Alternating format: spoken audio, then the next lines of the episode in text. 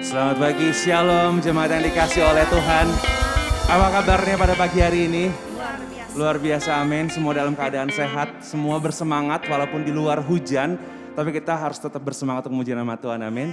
Kita mau berdoa, kita akan masuk ibadah kita pada pagi hari ini. Terima kasih Yesus, terima kasih Roh Kudus. Terima kasih Bapak kami yang baik. Untuk setiap penyertaan-Mu Tuhan di dalam hidup kami Bapak. Kami sangat bersyukur untuk anugerah-Mu, untuk kasih karunia-Mu yang masih Engkau limpahkan terus dalam hidup kami Tuhan. Tidak ada alasan untuk kami untuk tidak bersyukur Bapa. Tidak ada alasan untuk kami untuk tidak memuji dan memuliakan namamu ya Yesus. Kini tiba saatnya bagi kami Tuhan, kami datang kembali bersama-sama di tempat ini maupun di rumah. Bersatu hati ingin menaikkan, memuji, memuliakan namamu saja ya Tuhan Yesus. Inilah kami Tuhan, inilah kami Roh Kudus. Kami siap untuk memuji Engkau di tempat ini Bapa. Yes Lord. Inilah hati kami ya Yesus.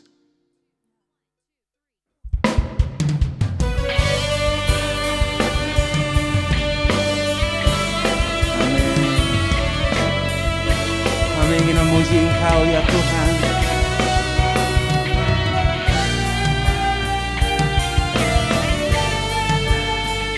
Sebab hanya Engkau Allah kami yang mulia. Kemuliaan bagi Tuhan di tempat maha tinggi. Amin. Kau Raja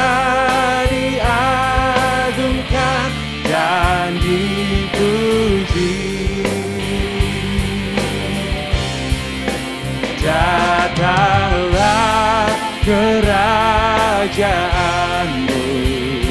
Jadilah kehendakmu Seluruh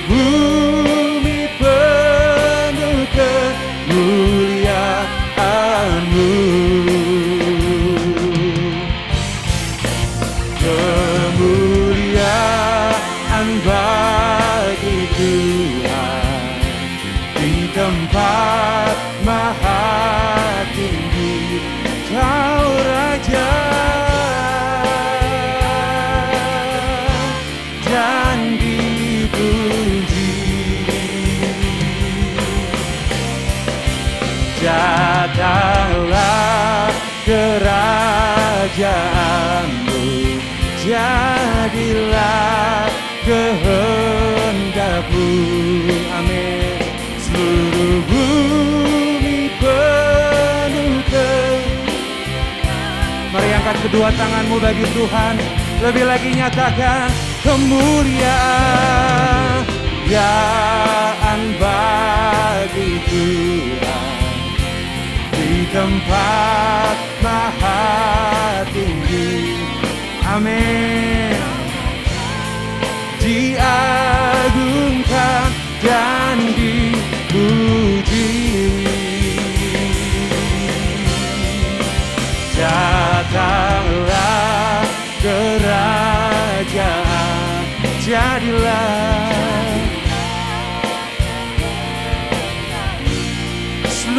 bumi dipenuh kemuliaanmu.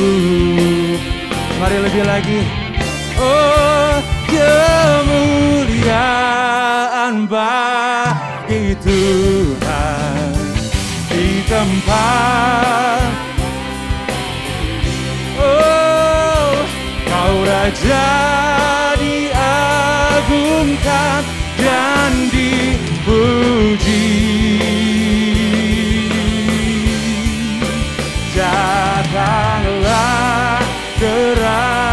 kerajaanmu Jadilah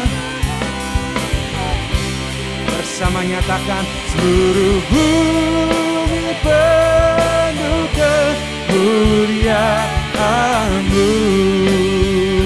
Katakan seluruh bumi seluruh bumi penuh kemuliaanmu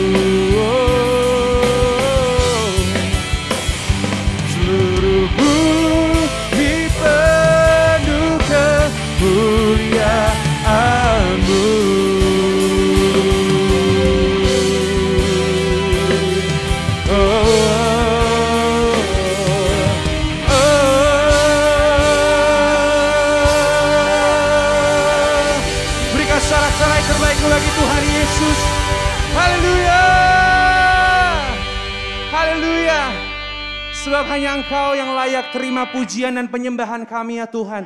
Engkau raja di atas segala raja. Engkau Allah yang sanggup. Engkau Allah yang mampu Tuhan. Terima kasih Yesus, terima kasih Roh Kudus. Kami siap untuk memuji dan memuliakan nama Engkau lebih lagi. Mari sama-sama siap kita katakan, Amin. Saya undang jemaat untuk bangkit berdiri. Kita bersiap untuk memuji nama Tuhan, amin. Come on. Oh. Haleluya. Woo. Come on everybody sing. Whoa, oh, oh.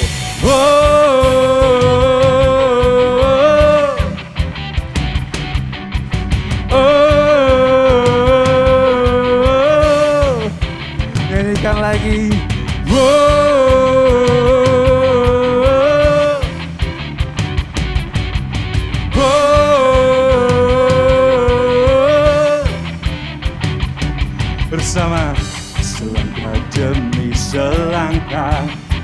Maju tiada lelah Sekalipun ku berjalan dalam lembah kegelaman. Ku tak takut, ku tak gentar Semua musuh gemetar.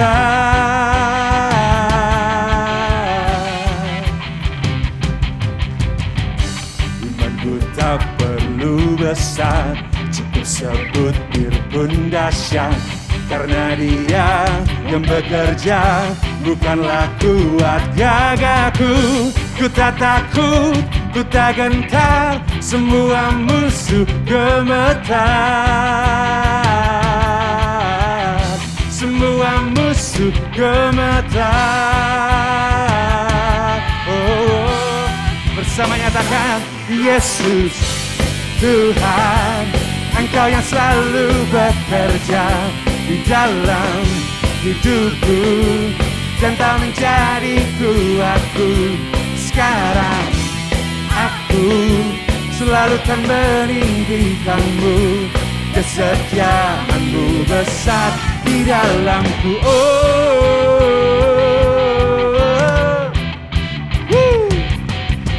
Oh. Katakan dengan iman percayamu bersama. Tak perlu besar, cukup sebutir pun dahsyat. Karena dia yang bekerja bukanlah kuat gagahku. Ku tak takut, ku tak gentar. Hey! Musuh gemetar. Semua Come on. Nyanyikan pada Tuhan. Oh, Yesus, Tuhan. Engkau yang selalu bekerja di dalam hidupku. Dan tak menjadi kuatku. Sekarang aku selalu kan meninggikanmu. Kesetiaanmu. Panggil namanya Yesus, Tuhan. Engkau yang selalu bekerja di dalam hidupku Dan tak menjadi kuatku Sekarang, hey, aku selalu kan meninggikanmu. Kesetiaanmu besar di dalam. Oh, haleluya. Oh, mari nyatakan Bila kau di sisiku Pada siapa ku takut Karena kaulah perisai. Bila kau di sisiku Ada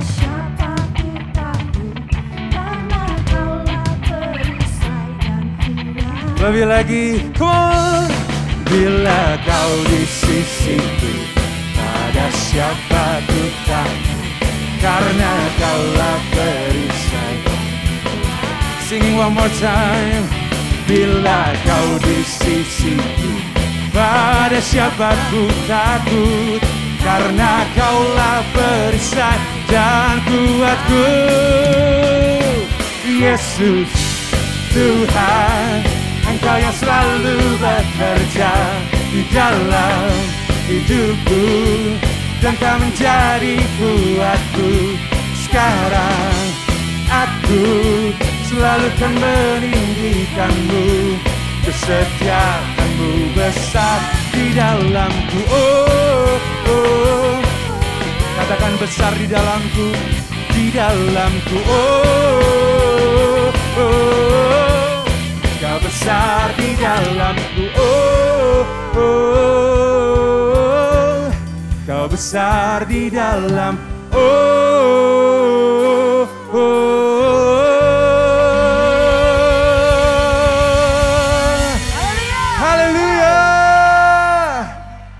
Haleluya. Kita percaya bahwa Allah kita sungguh besar dan dahsyat. Amin. Lebih lagi kita akan memuji nama Tuhan.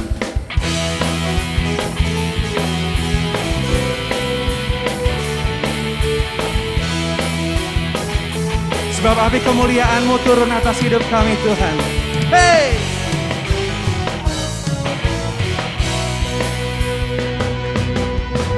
Dengarkanlah suara nafi memanggil semua umatnya dari seluruh penjuru bumi datang untuk menyembah dia. Dengarkanlah suara nafi memanggil semua umatnya. Gereja Tuhan bersatu kini Mengangkat tinggi panjinya. Bersiap maju janganlah lengah Yesus Panglima kita. Gunakan semua senjata Allah Dalam kuasa roh kudus. Api kemuliaannya Tercurah bagi Penuhi kami semua. Bangkitlah gerejanya. Api kemuliaannya Tercurah dari surga. Beritakan pada dunia oh, Bahwa Yesuslah Raja Segala Raja Haleluya Mari sekali lagi Dengarkanlah suara Memimpin semua umatnya Dari seluruh penjuru Datang untuk Dengarkanlah suara nafi Memanggil semua umatnya Gereja Tuhan bersatu Bersiap maju janganlah lengah. Yesus Panglima kita. Gunakan semua senjata Allah Dalam kuasa roh. Mari lebih semangat lagi. Api kemuliaannya Tercurah dari surga. Penuhi kami semua. Bangkitlah gerejanya. Api kemuliaannya Amin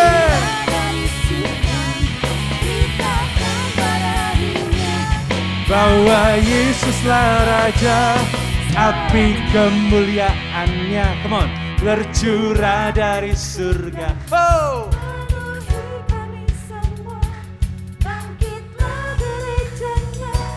Api kemuliaannya. Oh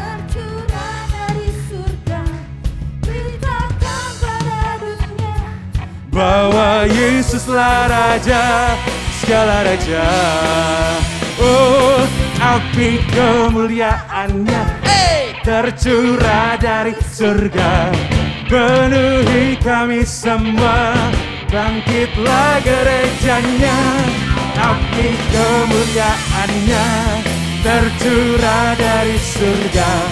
Beritakan pada dunia Bahwa Yesuslah Raja Segala Raja Segala Raja. Come on. Segala Raja.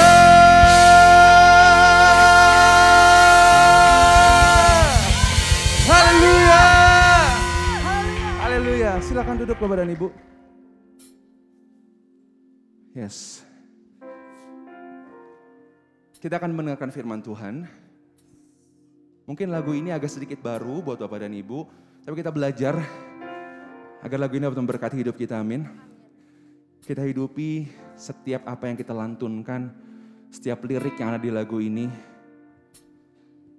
mengatakan bahwa waktu Tuhan sungguh sangat tepat. Waktu Tuhan sungguh sangat terbaik dalam hidup kita. Yes. Tak selalu Tuhan menjawab doa. Namun dia beri yang terbaik di waktu yang tepat. Izinkanlah Tuhan untuk bekerja yang mustahil menjadi mungkin oleh karena percaya. Yesus mendengar lebih dari yang ku doakan. Yesus menjawab lebih dari yang ku harapkan. Dengan caranya di waktu yang Ku kan melihat dia jadikan semua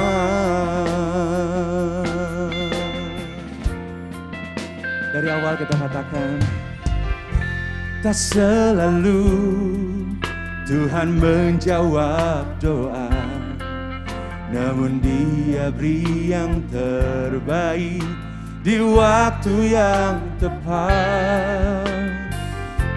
Izinkanlah Tuhan untuk bekerja Yang mustahil menjadi mungkin Oleh karena percaya Sekali lagi katakan Wow Tak selalu Tuhan menjawab Namun kami percaya Tuhan di waktu yang tepat. Izinkanlah Tuhan untuk bekerja yang mustahil menjadi mungkin oleh karena percaya. Yesus mendengar lebih dari yang ku doakan. Yesus menjawab lebih dari yang ku harapkan dengan caranya di waktu yang tepat. Amin. Ku kan melihat dia jadikan lebih lagi nyatakan Yesus mendengar lebih dari yang ku doakan Yesus menjawab lebih dari yang ku harapkan Dengan caranya di waktu yang tepat Kami akan melihat Tuhan.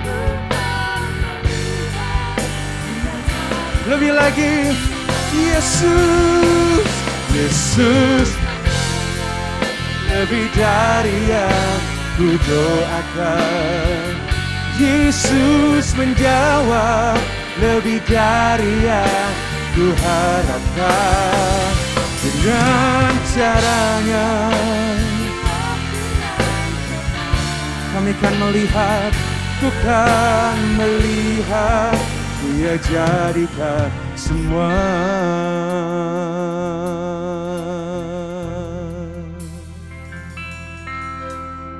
Mari kita sembah Tuhan. Mari ungkapkan rasa percayamu pada dia Sebab rancanganmu yang terbaik Waktumu yang tepat. Kami mau belajar percaya padamu Menggantungkan hidup kami Tuhan. Sepenuhnya hanya padamu. Ya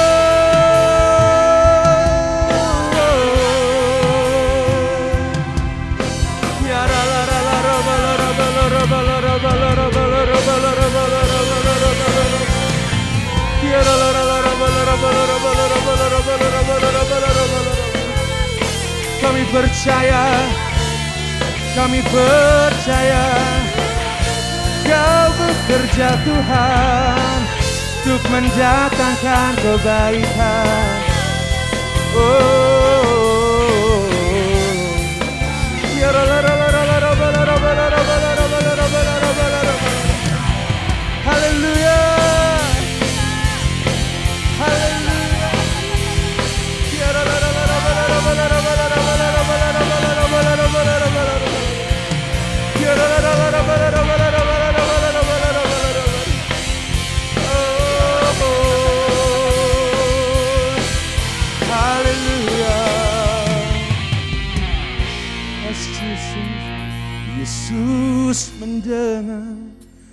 lebih dari yang ku doakan. Yesus menjawab lebih dari yang Ku harapkan Yes. Dengan caranya di waktu yang tepat Ku kan melihat Mari jemaat Tuhan nyanyikan Yesus mendengar lebih dari yang ku doakan. Yes Tuhan benar Kami percaya Tuhan Oh.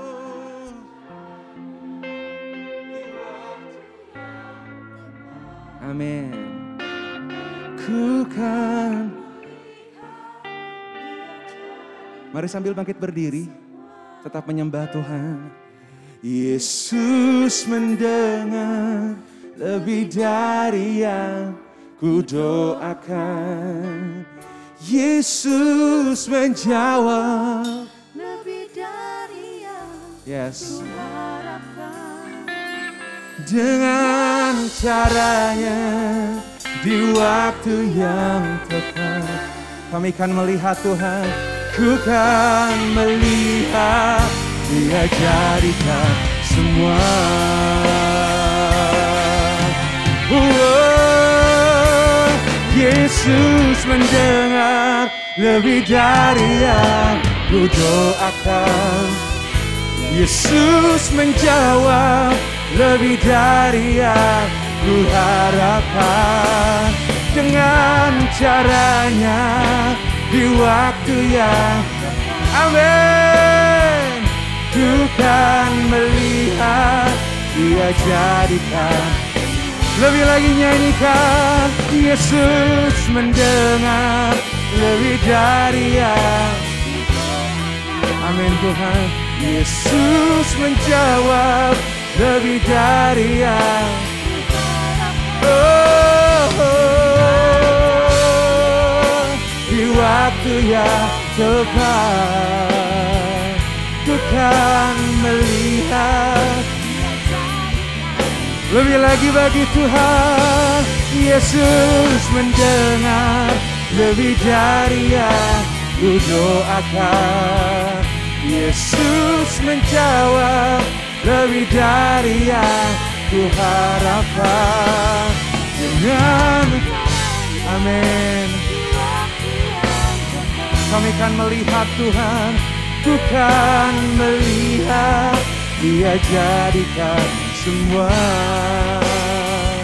Ku kan Amin. Semua. Ku kan melihat Dia jadikan semua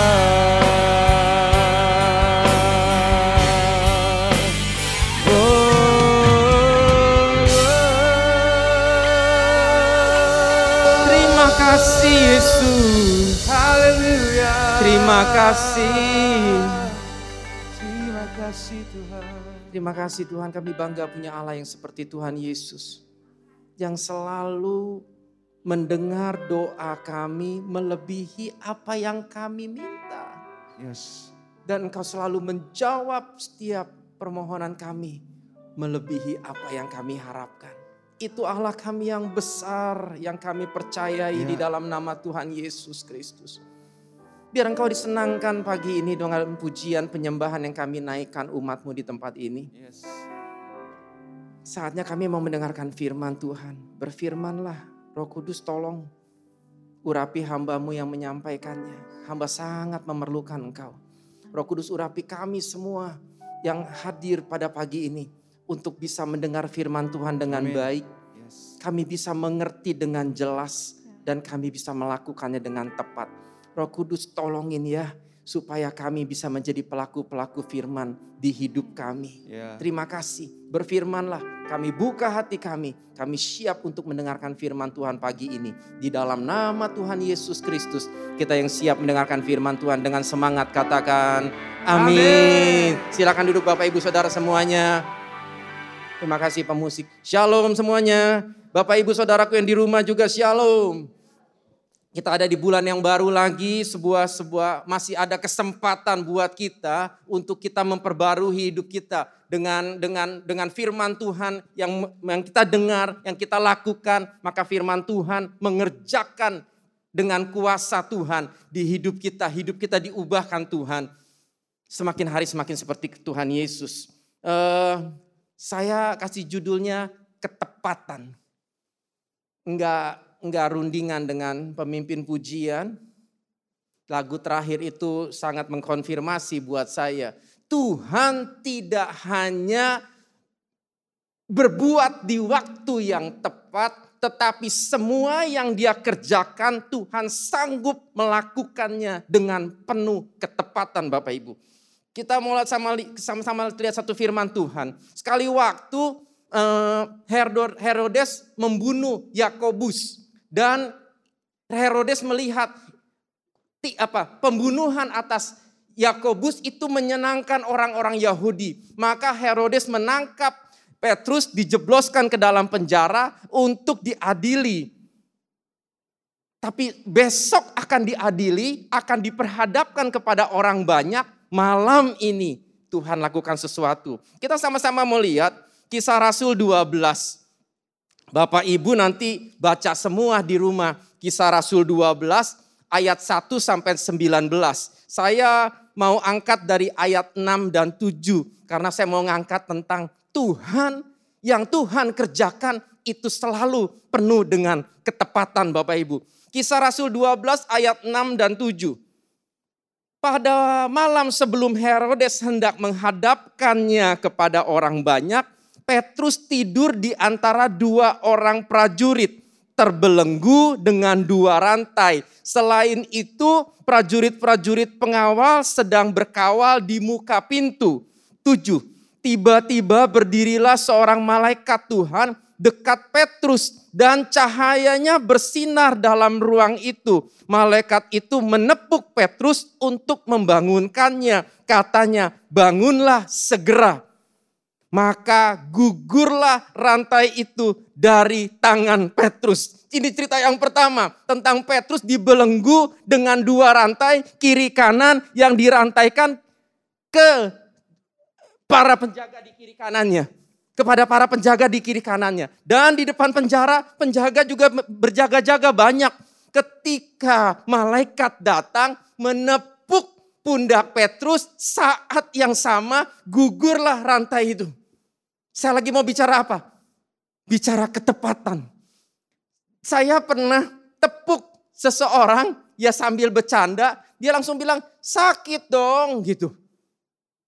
Pernah sekali waktu ada satu kisah emang mungkin karena karena karena sesuatu ada kelainan di tubuhnya, orang ditepuk begitu copot sendinya. Mungkin tenaganya terlalu besar atau seperti apa, copot sendinya. Ini Tuhan, malaikat Tuhan yang datang. Dia tepuk Petrus, bangunlah segera, gugur rantainya. Kau bukan sendinya yang gugur. Rantainya. Tuhan mau melepaskan Petrus dari penjara. Dengan cara yang ajaib. Tuhan harus lepaskan dulu rantainya. Oleh sebab itu yang malaikat kerjakan adalah membangunkan Petrus dan di saat yang sama rantai itu gugur.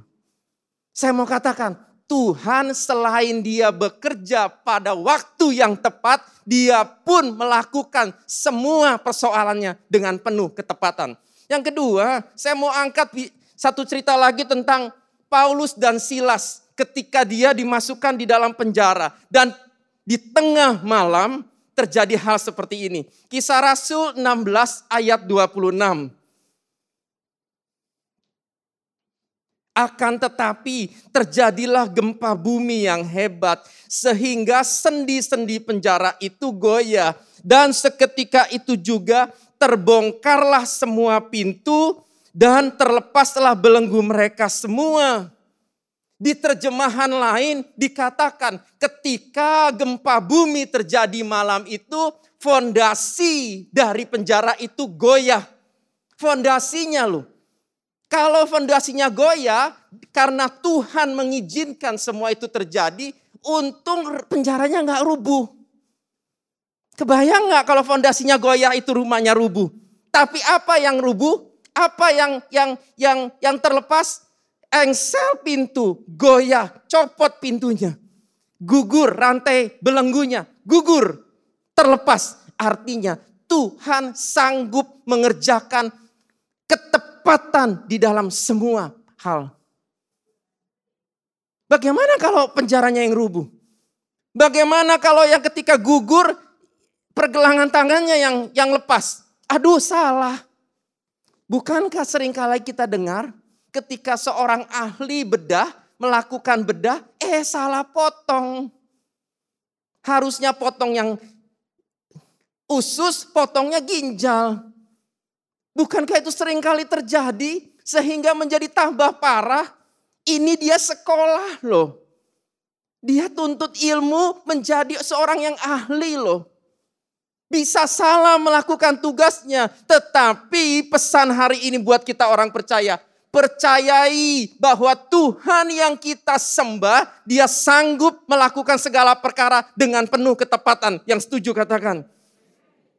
Yang hal yang ketiga yang saya mau angkat, ketika Daud melawan Goliat, Bapak Ibu pasti langsung ing, oh ya aku tahu 1 Samuel 17 ayat 49 bercerita begini. Nanti Bapak Ibu juga baca 1 Samuel 17 ayat 1 sampai 58. Saya angkat ayat 49. Lalu Daud memasukkan tangannya ke dalam kantungnya. Diambilnyalah sebuah batu dari dalamnya. Diumbannya maka kenalah dahi orang Filistin itu. Sehingga batu itu terbenam ke dalam dahinya dan terjerumuslah ia dengan mukanya ke tanah. Ketepatan. Apa? Saya senang nonton film. Headshot, tembak tepat di kepala, itu hanya ada di film. Sulit untuk melakukan itu di dunia nyata dengan alat yang canggih. Tapi Daud di musim itu, di zaman itu, dengan ketapel, dengan umbannya, dia sedang berlari.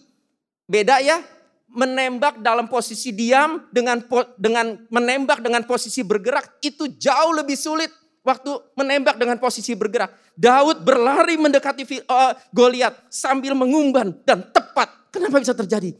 Karena ada tangan Tuhan yang melakukan, yang menyelesaikan semua persoalan kita dengan penuh ketepatan. Apa yang saya mau sampaikan? Mulai hari ini, kita sudah mendengar Tuhan yang kita percaya sanggup melakukan segala perkara dengan penuh ketepatan. Oleh sebab itu, jangan buang-buang waktu dalam doamu. Kita boleh berdoa, kita harus berdoa, kita boleh meminta kepada Tuhan. Karena firman Tuhan katakan, mintalah. Tapi permintaan kita sering kali orang Kristen kalau minta Ngajarin Tuhan caranya.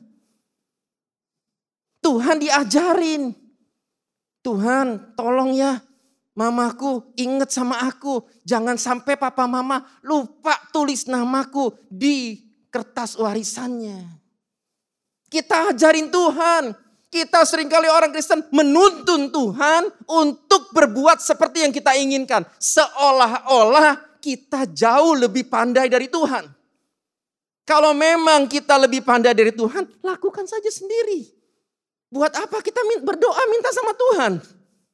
Toh Tuhan kita yang ajarin, kita saja yang lakukan. Halo? Bukan begitu kan orang Kristen? Ayo jujur. Yang di rumah. Daripada kita sibuk ngajarin Tuhan, daripada kita buang waktu menuntun Tuhan, begini caranya, begitu caranya. Tuhan tolongin ya supaya bosku inget naik gaji, jangan lupa. Tuhan jangan, Tuhan engkau maha besar. Engkau sanggup orang lain teman-temanku naiknya 10% untuk aku anakmu. Bosku akan lakukan 35%. Karena aku anakmu. Tuhan bisa kan lakukan ya? Hari ini jangan hanya sebagai pendengar firman setiap hari minggu. Jadikan orang yang menyimak firman dan mempercayai Tuhan dia sanggup melakukan segala perkara dengan penuh ketepatan. Amin. Maksudnya, maksud lo? Ya beri respon Pak. Saya hanya beri respon, Bapak udah capek-capek khotbah. Beri respon baik, tapi lakukan firman Tuhan dengan penuh kepercayaan. Itu indah di mata Tuhan. Bagian kita, tadi saya katakan, daripada kita buang waktu capek-capek, pikirin, ajarin Tuhan, tuntun Tuhan untuk melakukan jawab apa permintaan kita terjawab seperti yang kita inginkan. Lebih baik kita belajar mempercayai Tuhan, aku mau ketepatan yang Tuhan kerjakan itu terjadi di hidupku. Apa pun persoalanmu. Apa pun persoalanmu. Sakitkah? Tuhan sanggup menyembuhkannya. Kita nggak salah berdoa detil, nggak salah, nggak salah. Tapi ingat, sering kali kita tuh terbawa untuk mengajari Tuhan. Takut meleset gitu loh. Tuhan tolong ya operasinya jangan sampai salah Tuhan. Tahu nggak kalau kalau ginjal yang ada di sini Tuhan, jangan salah ya Tuhan. Tuhan tolongin supaya dokternya nggak ngantuk. Tuhan tolongin jangan sampai salah. Kita tuh terlalu banyak buang waktu di sana. Lebih baik kita konsentrasi, kita siapkan waktu kita, kita gunakan tenaga kita seperti yang dilakukan oleh Petrus.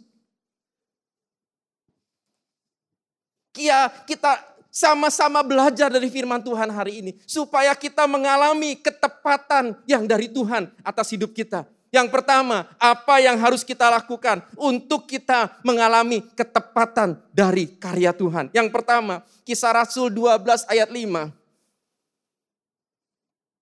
Demikianlah Petrus ditahan di dalam penjara. Tetapi jemaat dengan tekun mendoakannya kepada Allah yang pertama bicara tentang kuasa saling mendoakan.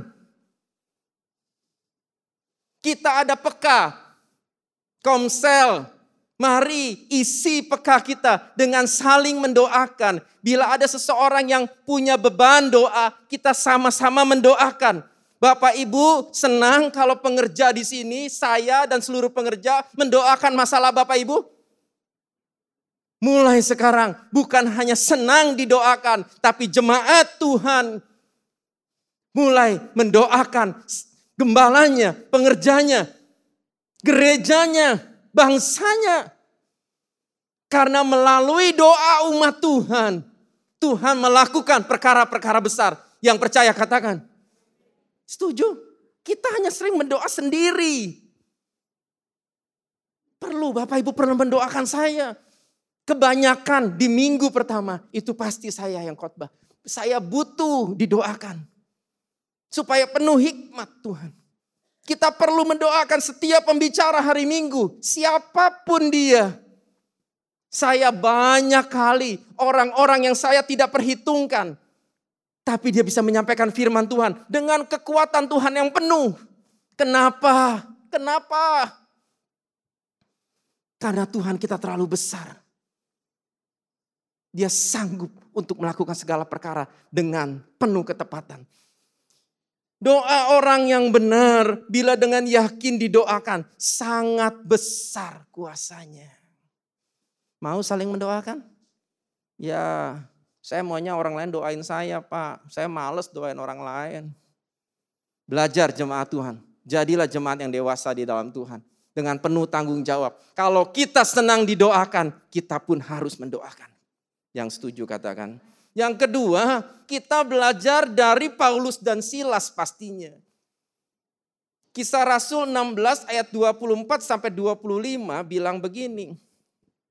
Sesuai dengan perintah itu, kepala penjara memasukkan mereka ke ruang penjara yang paling tengah dan membelenggu kaki mereka dalam pasungan yang kuat.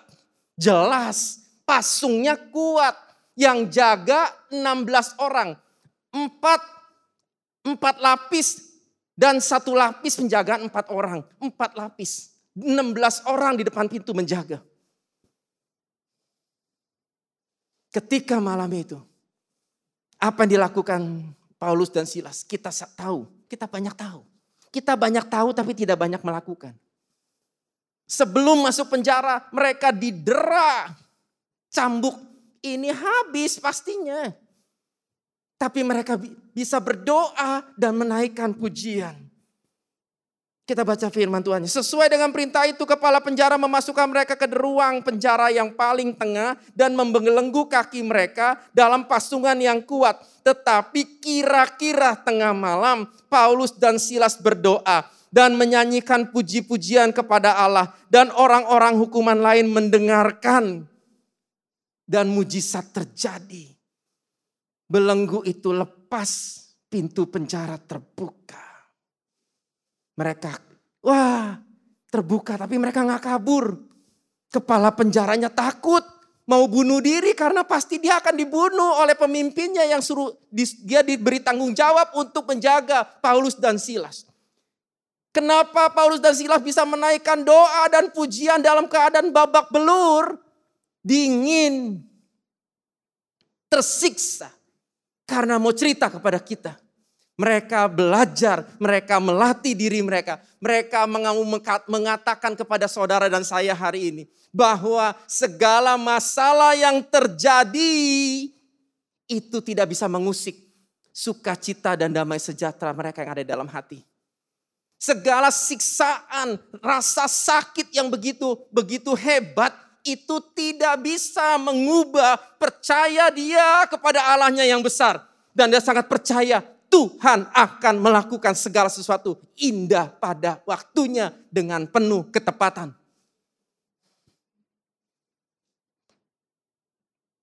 Belajarlah Bapak Ibu. Saya juga belajar. Saya juga belajar. Yang ketiga, untuk kita mengalami ketepatan dari karya Tuhan. Oh, ingat kisah saya ingat. Kisah tembok Yeriko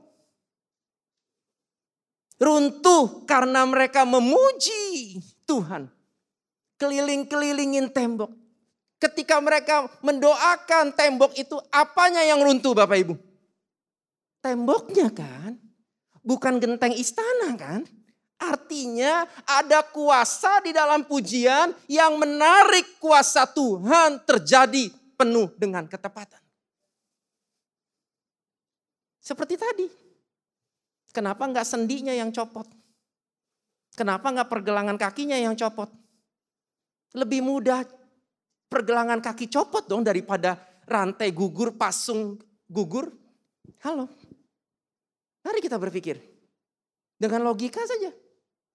Lebih mudah mematahkan tangan daripada melepaskan belenggu. Yang ketiga, kita belajar dari Daud. Agar kita bisa mengalami karya Tuhan dengan penuh ketepatan. 1 Samuel 17 ayat 26. Saya mau ngomong apa yang ketiga? Yang pertama tentang saling mendoakan. Yang kedua, doa dan pujian mengalahkan semua masalah persoalan hidup kita. Yang ketiga, ini saya sudah dapat lama, tapi bisa tersampaikan hari ini. 1 Samuel 17 ayat 26. Lalu berkatalah Daud kepada orang, mereka lagi mau perang, Goliat sudah oh, bangsa Filistin sudah siap, Daud baru datang mengantarkan makanan untuk kakak-kakaknya, lalu dia rame, orang lagi pada ribut, lagi mau perang. 1 1 Samuel 17 ayat 26. Lalu berkatalah Daud kepada orang-orang yang berdiri di dekatnya. Apakah yang akan dilakukan kepada orang yang mengalahkan orang Filistin itu dan yang menghindarkan cemooh dari yang menghindarkan cemooh dari Israel? Siapakah orang Filistin yang tak bersunat ini sampai ia berani mencemoohkan barisan dari Allah yang hidup? Itu yang dikatakan Daud. Saya kasih ayat yang kedua. Nanti saya mau tanya. Ini clue-nya Bapak Ibu. 1 Samuel 17 ayat 36 sampai 37. Siap-siap menjawab karena saya akan bertanya setelah baca yang ini. Baik singa maupun beruang telah dihajar oleh hambamu ini. Dan orang Filistin yang tidak bersunat itu, ia akan sama seperti salah satu daripada binatang itu. Karena ia telah mencemooh barisan dari Allah yang hidup. 37, pula kata Daud, Tuhan telah melepaskan aku dari cakar singa dan dari cakar beruang dia juga akan melepaskan aku dari tangan orang Filistin itu. Kata Saul kepada Daud, pergilah Tuhan menyertai engkau. Apa yang kita perlu belajar dari Daud melalui ayat yang saya sudah bacakan? Regu A. Percaya. Regu B.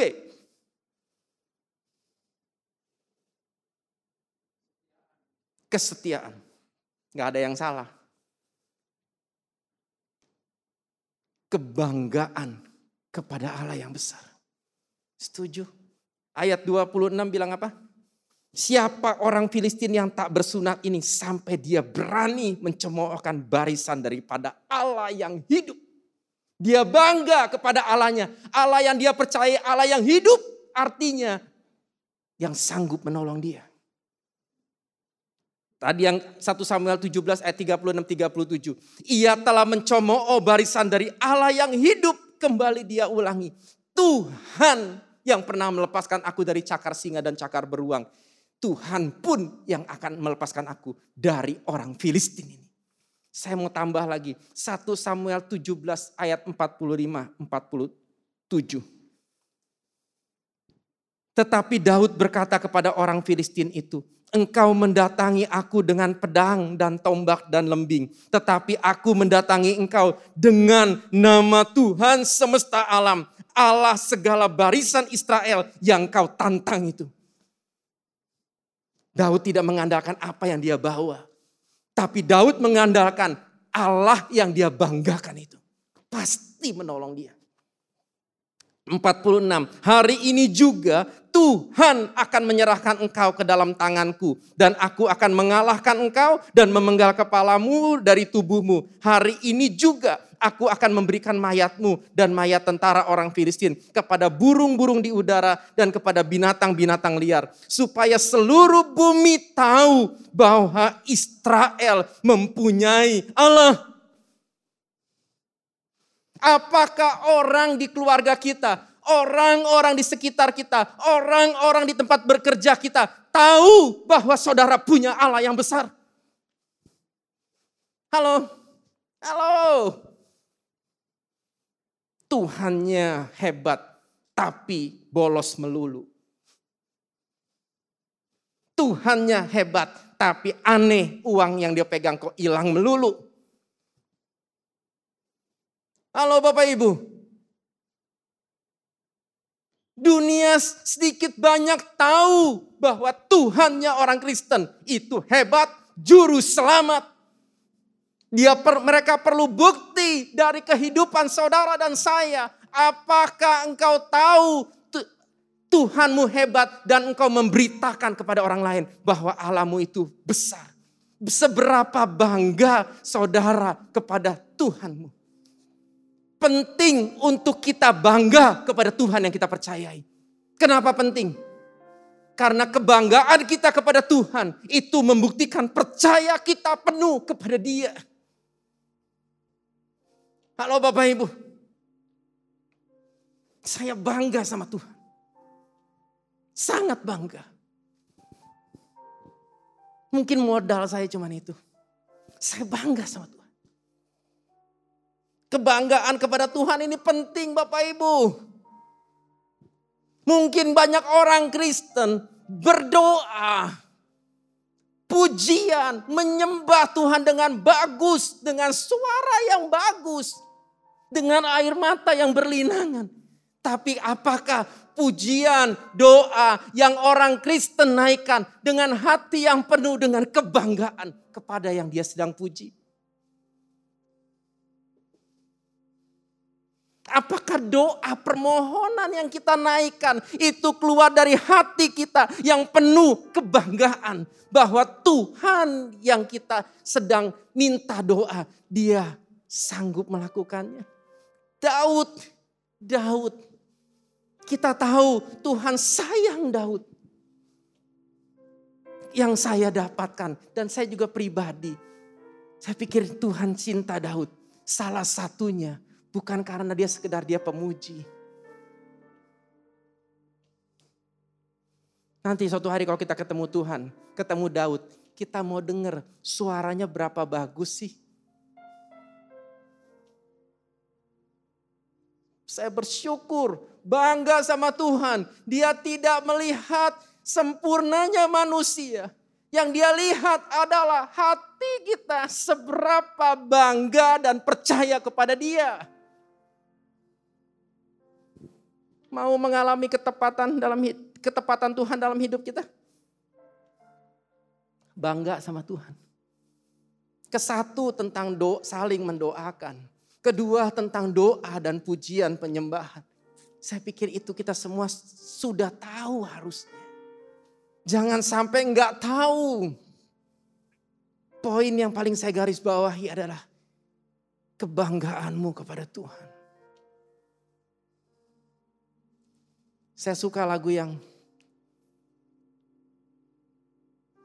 Bagimu pujian, hormat kemuliaan, apa? Kaulah kebanggaan di dalam hidupku. Saya suka lagu itu. Saya lagi katakan Tuhan engkaulah kebanggaan.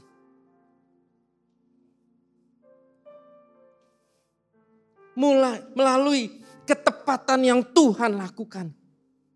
Petrus terbebas dari kejahatan Herodes seperti doa jemaat. Melalui ketepatan Tuhan. Petrus terbebas dari hukuman Herodes malam besok paginya. Melalui ketepatan yang Tuhan lakukan, Paulus dan Silas dibebaskan dari penjara dan pertobatan besar terjadi atas keluarga kepala penjara. Apa yang aku harus lakukan supaya aku dan keluargaku selamat? Percaya Yesus. Dan malam itu juga mereka memberi diri mereka dibaptis. Kalau kita adalah orang-orang Kristen, orang-orang percaya yang mengalami ketepatan dari karya Tuhan, maka banyak orang yang diselamatkan. Halo, Bapak Ibu, saudara semua, juga yang di rumah. Kita mau jadi orang Kristen merek apa?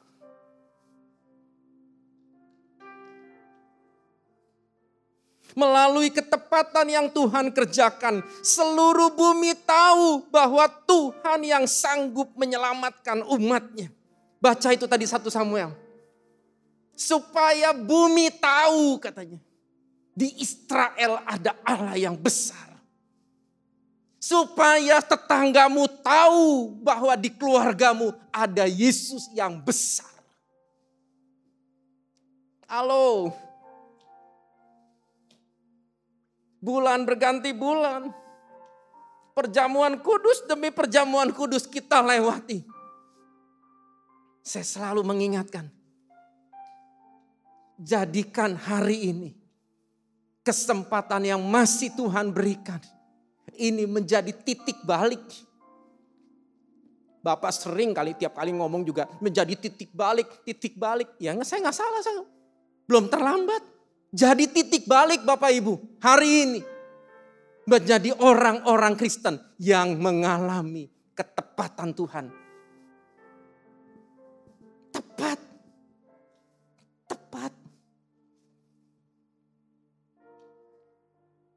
Bapak Ibu pernah lihat orang meruntuhkan bangunan?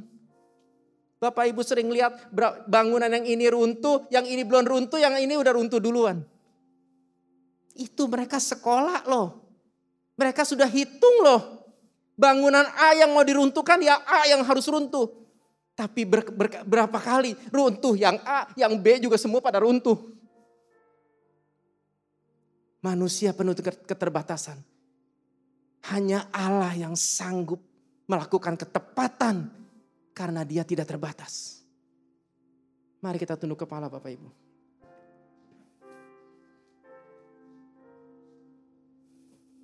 Biarlah doa pujian dan kebanggaan kita kepada Tuhan semakin membuat kita mengalami karya Tuhan yang penuh dengan ketepatan itu. Tuhan, terima kasih buat kami belajar satu kebenaran. Biar umat Tuhan yang mendengar firman Tuhan pagi ini belajar sebuah kebenaran dan mulai mempercayai Tuhan dengan penuh kebanggaan kepadamu.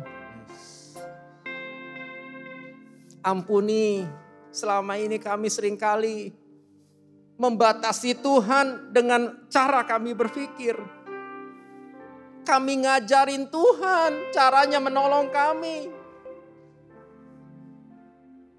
Tuhan tolong ampuni kami ya. Kami mau mengalami ketepatan karya Tuhan di hidup kami. Di dalam nama Tuhan Yesus. Sebentar kami akan masuk dalam perjamuan kudus. Kami harus masuk dengan cara yang benar kata firman Tuhan. Oleh sebab itu kami butuh Tuhan ampuni kami, Tuhan kuduskan kami. Supaya kami layak masuk di dalam perjamuan kudus pagi ini. Berkati roti dan anggur yang sudah tersedia Tuhan. Kuduskan, berkati. Menjadi persekutuan yang indah dengan tubuh Kristus yang terpecah, darah Kristus yang tercurah. Terima kasih Tuhan. Terpujilah namamu dalam nama Yesus Kristus Tuhan. Yesus mendengar ya. lebih dari yang ku doakan. Ya. Yesus menjawab lebih dari yang ku harapkan dengan caranya di waktu yang tepat ku kan melihat dia jadikan semua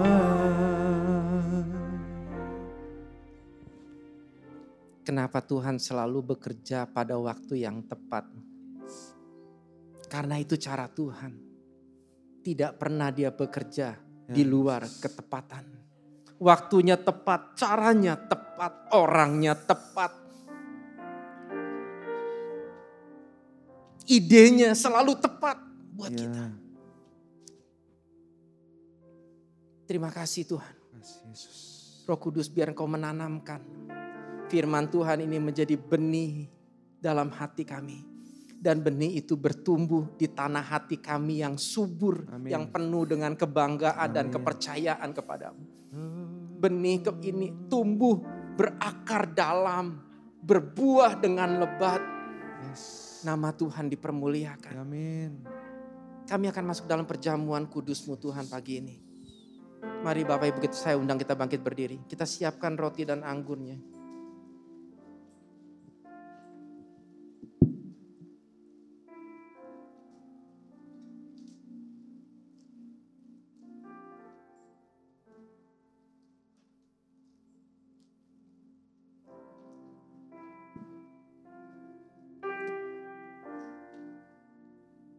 Demikian kata firman Tuhan. Sebab apa yang telah kuteruskan kepadamu telah aku terima dari Tuhan. Yaitu bahwa Tuhan Yesus pada malam waktu ia diserahkan mengambil roti. Kita angkat rotinya. Dan sesudah itu ia mengucap syukur atasnya. Ia memecah-mecahkannya dan berkata, inilah tubuhku yang diserahkan bagi kamu. Perbuatlah ini menjadi peringatan akan aku. Bapak Ibu Saudaraku yang kekasih, bukankah roti yang kita pegang ini adalah persekutuan kita dengan tubuh Kristus? Amin. Mari kita makan dalam nama Tuhan Yesus.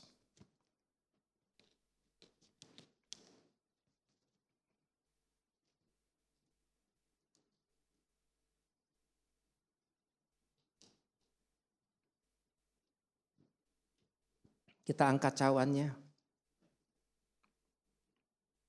Demikian juga ia mengambil cawan sesudah makan, lalu berkata, cawan ini adalah perjanjian baru yang dimeteraikan oleh darahku. Perbuatlah ini setiap kali kamu meminumnya menjadi peringatan akan aku. Saudaraku yang kekasih, bukankah cawan yang kita pegang ini adalah persekutuan kita dengan darah Kristus? Amin. Mari kita minum dalam nama Tuhan Yesus.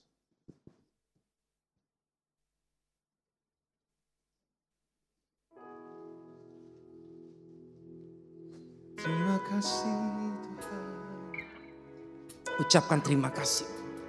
Terima kasih Yesus. Yesusku. Terima kasih ya Roh Kudus. Terima kasih. Terima kasih keselamatan yang kau berikan. Oh, terima, Terima kasih, kasih. Tuhan. Oh haleluya. Buat kebaikanmu Yesus. Terima kasih karyamu Oh, sempurna. terima kasih Tuhan. Terima kasih Tuhan. Karyamu penuh ketepatan. Terima kasih Yesus. Terima kasih Yesus. Ku beri syukur hanya bagimu Ya Allahku Ya Tuhanku Terima kasih Yesus. Terima kasih Yesus. Ku beri syukur hanya bagimu. Terima kasih Yesus. Ku beri syukur hanya bagimu. Ku beri syukur hanya bagimu. Ku beri syukur hanya bagimu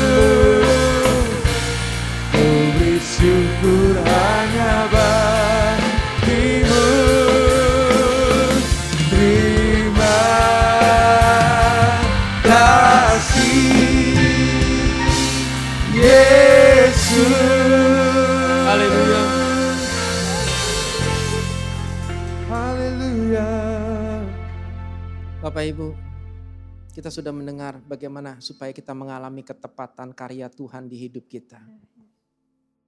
Kita pun harus bisa memastikan di hadapan Tuhan, Tuhan, saya ini orang yang tepat engkau tolong. Pastikan. Seringkali kita juga nggak pasti dengan diri kita sendiri. Kita nggak pede datang kepada Tuhan. Kita nggak punya percaya diri Tuhan. Tolong aku, aku orang yang tepat nih. Kenapa? Karena kita masih sering kali bermain-main di dalam pertobatan kita. Petrus, para murid, Paulus, Silas, Daud yang kita dengar hari ini. Mereka adalah orang-orang yang sangat membanggakan Tuhan. Yes. Orang-orang yang bekerja demi kemuliaan Tuhan. Berani susah untuk pekerjaan Tuhan. Berkati seluruh jemaatmu di, tem- di tempat ini dan seluruh jemaat Tuhan yang ada di GBI PPL seluruh cabang. Berkati Tuhan menjadi jemaat Tuhan yang semakin dewasa di dalam engkau. Semakin bertumbuh di dalam iman percaya kepada Tuhan. Semakin bertumbuh di dalam kebenaran firman-Mu Ya. Tuhan. Berkati kesehatan seluruh umatmu. Berkati keluarga-keluarga umat Tuhan. Jemaat tempat di PPL Tuhan terpelihara, terjaga di dalam kasih-Mu yang besar. Rumah tangga-rumah tangga harmonis, rukun Tuhan. Bersuka cita di dalam Tuhan. Usaha dan pekerjaan umatmu diberkati Tuhan. Amin. Anak-anak kami yang bersekolah diberi kepandaian, diberi kecerdasan, diberi keberhasilan di dalam studinya. Yes. Masa depan mereka penuh dengan pengharapan. Ya. Jagai Tuhan anak-anak kami di masa mudanya. Terima kasih Tuhan bahwa umatmu semakin mencintai Tuhan.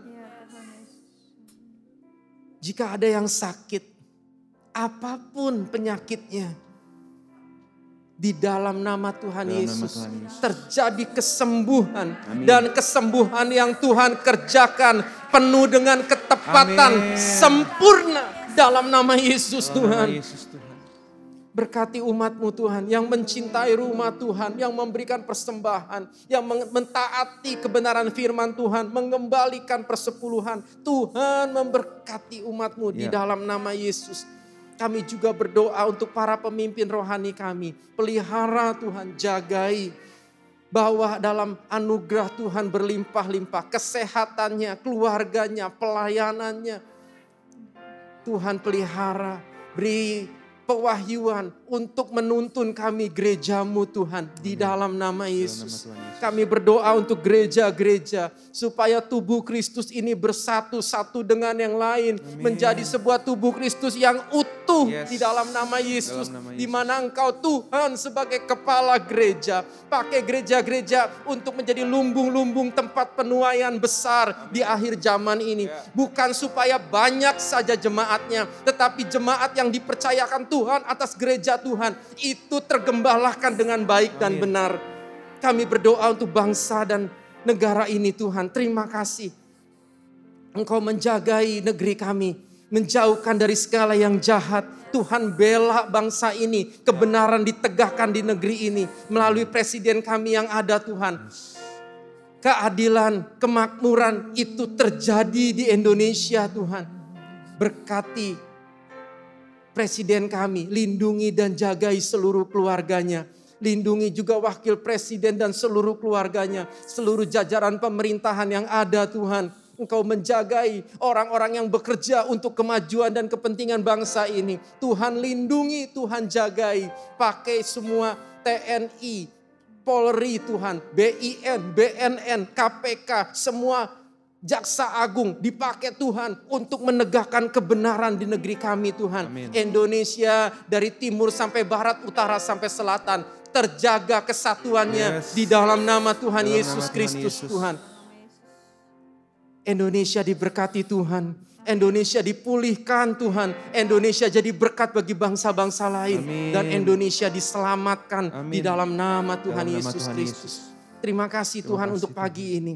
Sebentar kami akan berpisah, sebentar kami akan pulang. Tuhan menjagai kami sepanjang hidup kami hari ini dan hari-hari ke depan. Kami mempercayai Tuhan di atas segalanya. Yes. Di dalam nama Tuhan Dalam nama Yesus. Tuhan Yesus. Bapak ibu saudaraku yang kekasih. Pulanglah dengan damai sejahtera dengan sukacita. Pastikan hidupmu berbahagia.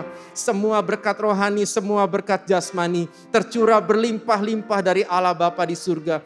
Cinta kasih yang sempurna dari Tuhan Yesus Kristus menyelamatkan hidup kita. Dan penyertaan dari Roh Kudus menyertai kita mulai saat ini sampai selama-lamanya. Di dalam nama Tuhan Yesus Kristus. Kita yang sudah terima berkat Tuhan katakan amin. Amin. Tuhan Yesus berkati Bapak Ibu Saudara semuanya. Bisa tolong duduk dulu sebentar? Bisa tolong duduk dulu sebentar Bapak Ibu. Saya mau menyampaikan sebuah pengumuman bahwa MK kelas mengenal Kristus akan dimulai kembali pada tanggal 11 Agustus mendatang. Jadi Bapak Ibu yang yang mau ikut kelas MK, kelas mengenal Kristus, belajar firman Tuhan untuk semakin bertumbuh di dalam firman Tuhan, semakin bertumbuh sebagai orang percaya, Bapak Ibu bisa mendaftarkannya. Atau Bapak Ibu mau ajak orang lain mengikuti MK karena Bapak Ibu pernah mengikuti MK, bisa mulai mendaftarkannya. Sungguh kuotanya sedikit ya Pak. Sudah ada, kalau nggak salah kuotanya hanya 20 orang di masa eh, apa jaga protokol seperti ini. Jadi sisanya mungkin tinggal berapa gitu, 8 atau atau 10 orang. Silakan Bapak Ibu, kelas MK akan dimulai, segera daftar karena tanggal 11 Agustus kelas ini akan dimulai. Tuhan Yesus berkati Bapak Ibu sekarang. Boleh pulang sekarang. Selamat pagi, selamat hari Minggu.